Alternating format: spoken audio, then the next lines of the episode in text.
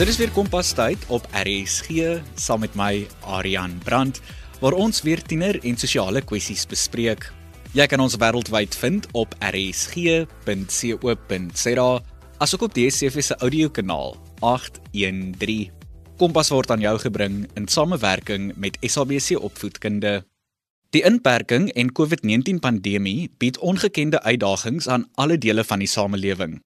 Alle fasette van ons normale lewe het verander, maar ek dink een ding waaroor ons kan saamstem, is die feit dat mense met nuwe, kreatiewe en innoverende oplossings vorendag gekom het om hierdie uitdagings en probleme op te los. As ons een belangrike aspek van ons jong mense se lewens kan neem, naamlik onderwys en opvoeding of terwyl skoollewe, sal ons kan saamstem dat daar skielik 'n magtombronne beskikbaar is aan ons jong mense. Dink maar aan afstand leer wat plaasvind oor die internet, videosessies met onderwysers en ook selfs die radio en televisieprogramme wat beskikbaar is om leer te laat voortgaan. Een van die laasgenoemde programme wat al vir amper elke Suid-Afrikaner bekend is, is sekerlik Takalani Sesemi. Die immers gewilde program is weer terug op TV vir seisoen 11 en vanjaar is ook die 20ste bestaanjaar in Suid-Afrika. Ek het met Marie Payne, een van Takalani Sesemi se woordvoerders gesels om meer uit te vind oor waarna ons jong klomp kan uitsien in die nuutste seisoen en ook hoe die program steeds 'n sukses is. Marie, dis lekker om jou op die program te hê en die goeie nuus met ons luisteraars te deel oor Takalani Sesemi wat weer terug is op die skerms. Nou, dit is beslis uitstekende nuus dat Takalani Sesemi weer terug is in die moeilike tyd van COVID-19 en spesifiek die pandemie en ook natuurlik die inperking waarin ons tans is. Hierdie seisoen is ook julle 11de een. Vertel vir ons meer van seisoen en waarna ons jong klomp kan uitsien weksmiddag vanaf 04:30 op SABC2. Ja, Ariane, ons is so opgewonde oor die nuwe seisoen wat tans weer terug is op die TV vir ons jongspan. In seisoen 11 verken die Takalani karakters die wêreld rondom hulle deur te leer deur speel, kreatiwiteit, probleemoplossing en hoe belangrik dit is om nooit moed op te gee as jy met 'n probleem gekonfronteer word nie dan leer ons hulle ook om mekaar se ooreenkomste en verskille te aanvaar en so ook vir mekaar om te gee en goedhartig te wees teenoor hulle medemens. Um, hierdie vaardighede word beter omskryf in die term wat bekend is aan al ons Suid-Afrikaners, beter bekend as Ubuntu.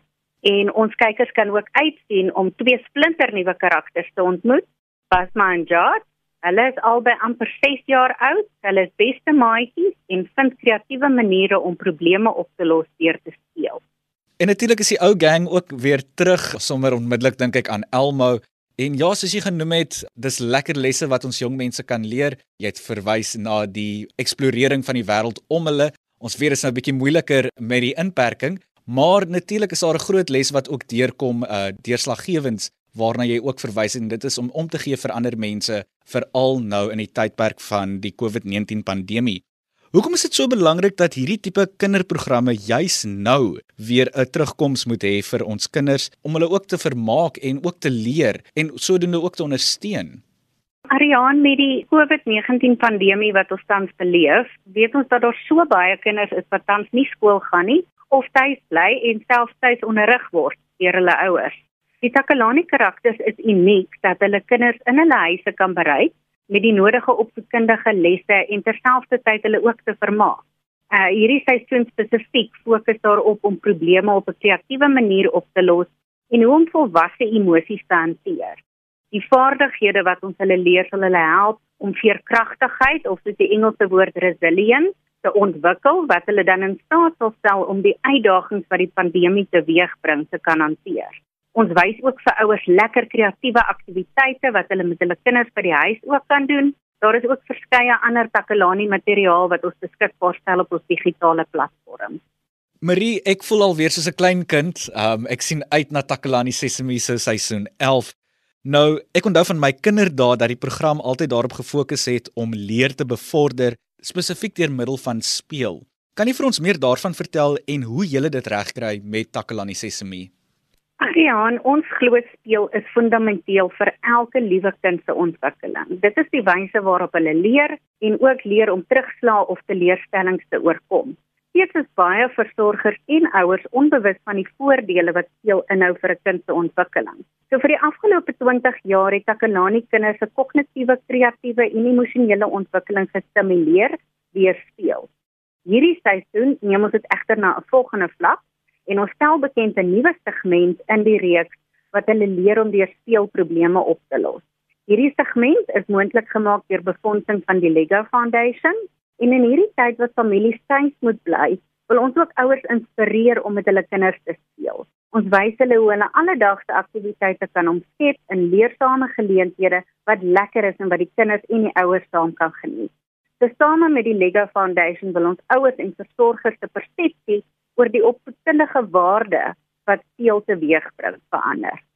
Absoluut en dit is so belangrik wat jy daar genoem het daardie vaardighede te ontwikkel veral in die tegnologiese gedrewe wêreld waarin ons ons tans self bevind.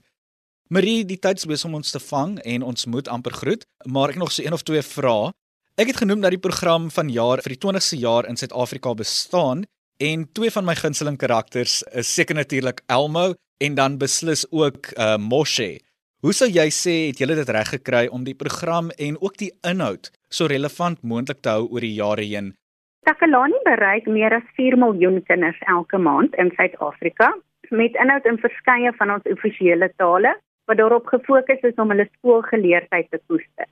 Ons spreek 'n wye reeks vaardighede aan wat uiters belangrik is vir vroeë kinderontwikkeling soos geletterdheid, gesyferdheid en lewensvaardighede. Takalani help ook kinders oral oor om slimmer, sterker en goedhartig te wees. Takalani is ook bekend daarvoor om moeilike onderwerpe aan te pak met ons karakters. Van die eerste HIV televisie kurrikulum wat ons 20 jaar terug uitgesaai het, tot en met ons kreatiewe probleemoplossing kurrikulum wat ons vandag uitsaai, is Takelani altyd besig om te evolueer of te ontwikkel om in daardie behoeftes te voorsien. Dis wonderlike nuus Marie. Wil jy ons net vlugtig net voordat ons groet net herinner hoe laat en watter dae waar kan ons Takelani Sesemi in die hande kry hierdie week nie? Ek Takelani is te sien elke middag 3:30 half 4 op SABC2. Ehm um, dit saai uit van maandag tot vrydag middag en dan elke dag in die week word dit in 'n ander taal uitgesaai. Ek hoop ons jonges het gehoor daarso en gaan dit onmiddellik onthou elke middag vra sommer vir jou ma of jou pa om 'n reminder te stel op hul fone of so of op te plak in die yskas. Julle kan beslis iets nuuts leer elke dag soos Marie genoem het, 04:30 in die middag op SABC 2 Maandag tot Vrydag. Dran Marie Payne, een van Takalani Sesemi se woordvoerders wat gesels het oor die nuutste seisoen wat vroeër die maand afgeskop het en ook vertel het waarna ons jong klomp kan uitsien in seisoen 11.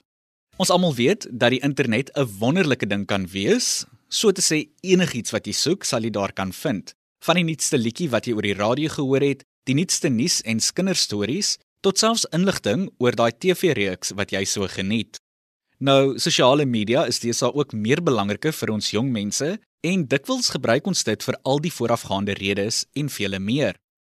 Met dit gesê, Tenita Kadelo, ons veldverslaggewer op Kompas, het gaan uitvind wat die nuutste sosiale media giere onder ons jong mense is. Die jeug en sosiale media loop hand aan hand. Interveringe van jeugmaand en die onlangse jeugdag het ek by 'n paar jong mense gaan hoor wat hulle siening rondom sosiale media en die term influencer is. Voel jy gedruk om 'n 24 uur aanlyn teenwoordigheid te hê?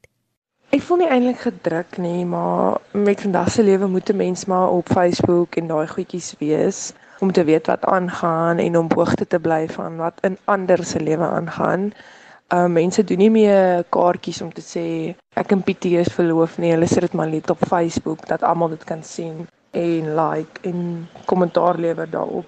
So Persoonlik voel ek ons jeug is so gefokus op ander dat ons nie kan help om 24 uur gedruk te wees met wat wie maak, wat dra, wat is cool, wat is in, wat is nie uit, wie verloof, wie swanger, wie trou, al daai goedjies. En ja, so ek voel nie gedruk nie maar ek dink almal word maar onder een kam geskeer omdat jy moet dit hê. Want as jy dit nie hê nie is jy nie in nie en jy weet nie wat aangaan nie. En ek bedoel niemand wil mos nou in 'n gesprek wees waar almal lag oor iets wat gebeur het op Facebook en dan staan jy daar en soos ek weet nie wat nou gebeur het nie. Um lig my gein en as jy nie weet dan sê jy nie cool genoeg nie want jy het die Facebook of jy het die Instagram nie. Ek meen my maale het vir my gesê ek mag eers Facebook kry as ek 12 is en as ek 14 is Instagram kry. So daai tyd was dit maar net om dit te hê. Vandag is dit maar net om up to date te bly van wat ook al aangaan in die lewe.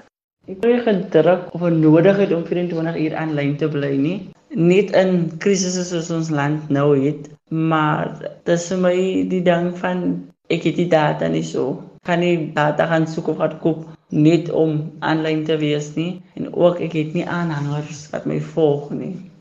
Ek volg glad nie gedruk om 'n 24 uur aanlyn teenwoordigheid te hê nie.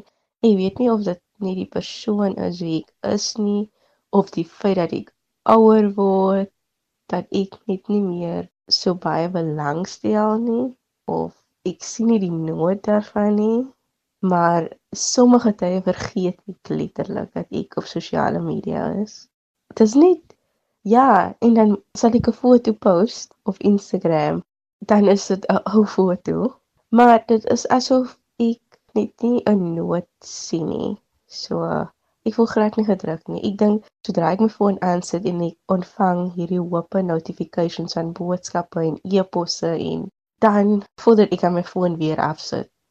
Ek dink ek gebruik dit net as ek verveeld is en as ek YouTube video's wil kyk of as ek of as ek navorsing doen.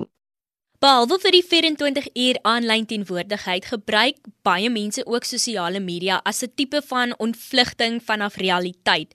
Is hierdie die geval vir julle ook? Ek gaan lieg as ek sê nee, want wie doen nou nie? En wat is nou meer ontspannend? Is nou 'n lang 9 uur dag by die werk vol mense wat die hele tyd aan jou karring. Jy kom by die huis, skop jou skoene uit, sit op die bank, gooi 'n glasie wyn, maak 'n koppie koffie of so iets. Sit jou foon aan, gaan net deur Facebook, gaan net deur Instagram, kyk maar net wat aangaan in almal se lewe, net jou tyd te hê, as ek so kan sê. Dit is maar redelik my rotine as ek data het of as die wifi daar is. As ek nie daar het nie dan weet ek nie wat om te doen nie want vandag is daar nie eintlik meer baie om te kyk op die TV nie.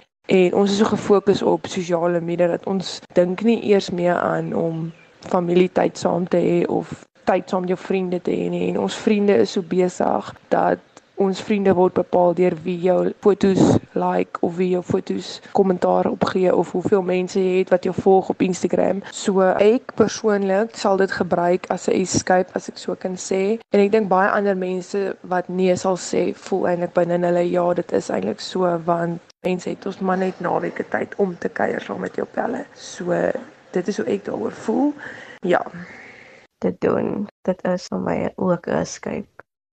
Aangesien julle so baie met reis gaan op sosiale media, wil ek net weet wie is van julle gunsteling influencers?